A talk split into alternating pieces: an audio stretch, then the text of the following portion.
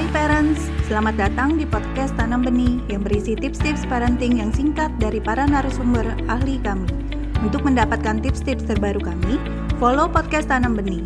Yuk kita dengarkan bersama.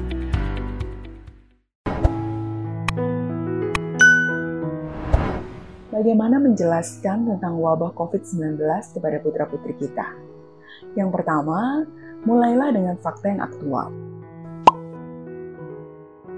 Fakta aktual meliputi apa itu COVID-19, bagaimana bisa menular, bagaimana juga cara mencegah penularan, dan bagaimana cara mengobati atau mengatasi jika sudah tertular. Keseluruhan fakta ini perlu ayah bunda dapatkan dari sumber yang terpercaya, yang akurat, dan tentunya yang terkini. Di dalam mengawali pembicaraan dengan putra-putri kita, hendaknya Anda memulai dengan bertanya lebih dahulu apa yang sudah mereka ketahui tentang wabah COVID-19. Ini akan menjadi cara yang baik untuk Anda juga mengetahui apakah ada pemahaman-pemahaman yang keliru atau kurang tepat yang sudah ada di dalam pikiran atau benak putra-putri Anda. Dengan demikian Anda punya kesempatan untuk meluruskan pemahaman yang keliru. Dalam menyampaikan fakta kepada putra-putri Anda, perlu juga Anda mengingat usia mereka. Kepada putra-putri yang masih usia TK ataupun SD kecil, tentu Anda perlu menggunakan alat bantu sehingga pada saat menjelaskan fakta lebih tersampaikan secara konkret kepada mereka.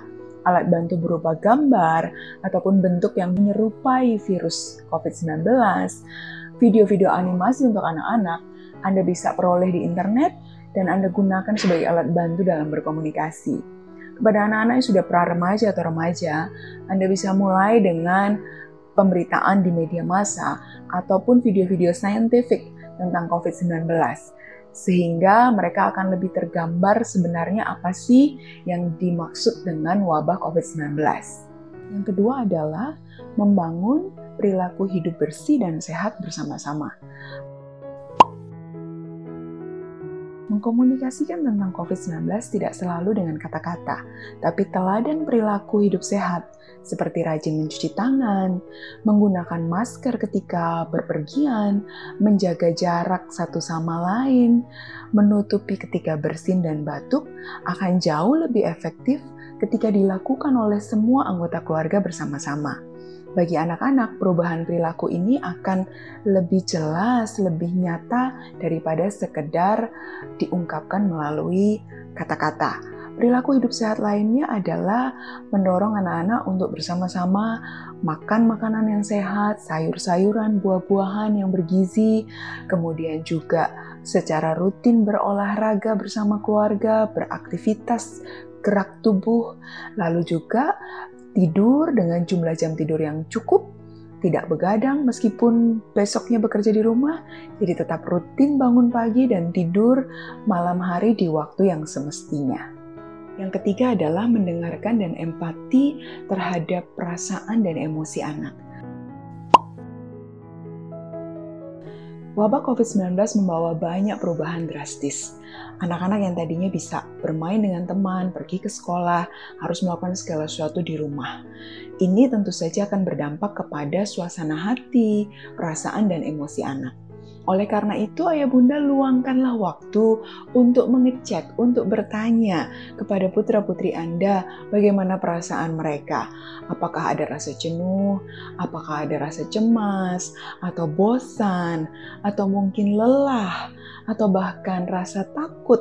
Atau juga mungkin rasa duka? Karena misalnya mendengar ada yang meninggal karena wabah COVID-19 ini.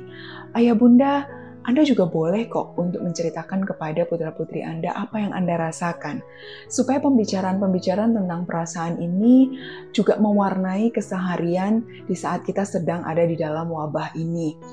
Dengan demikian, anak-anak juga mengerti bahwa perubahan perasaan dan suasana hati adalah sesuatu yang wajar dan Anda sebagai orang tua membantu mereka untuk mencari solusi. Bagaimana mengatasi rasa bosan, bagaimana mengatasi rasa cemas, atau bagaimana mengatasi rasa duka. Yang penting, ayah bunda hadir buat mereka, mendampingi mereka melewati perubahan situasi ini.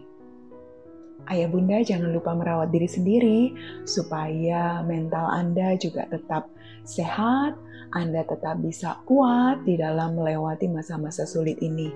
Kiranya kita semua tetap sehat dan wabah COVID-19 bisa segera berakhir. Stay safe, stay healthy.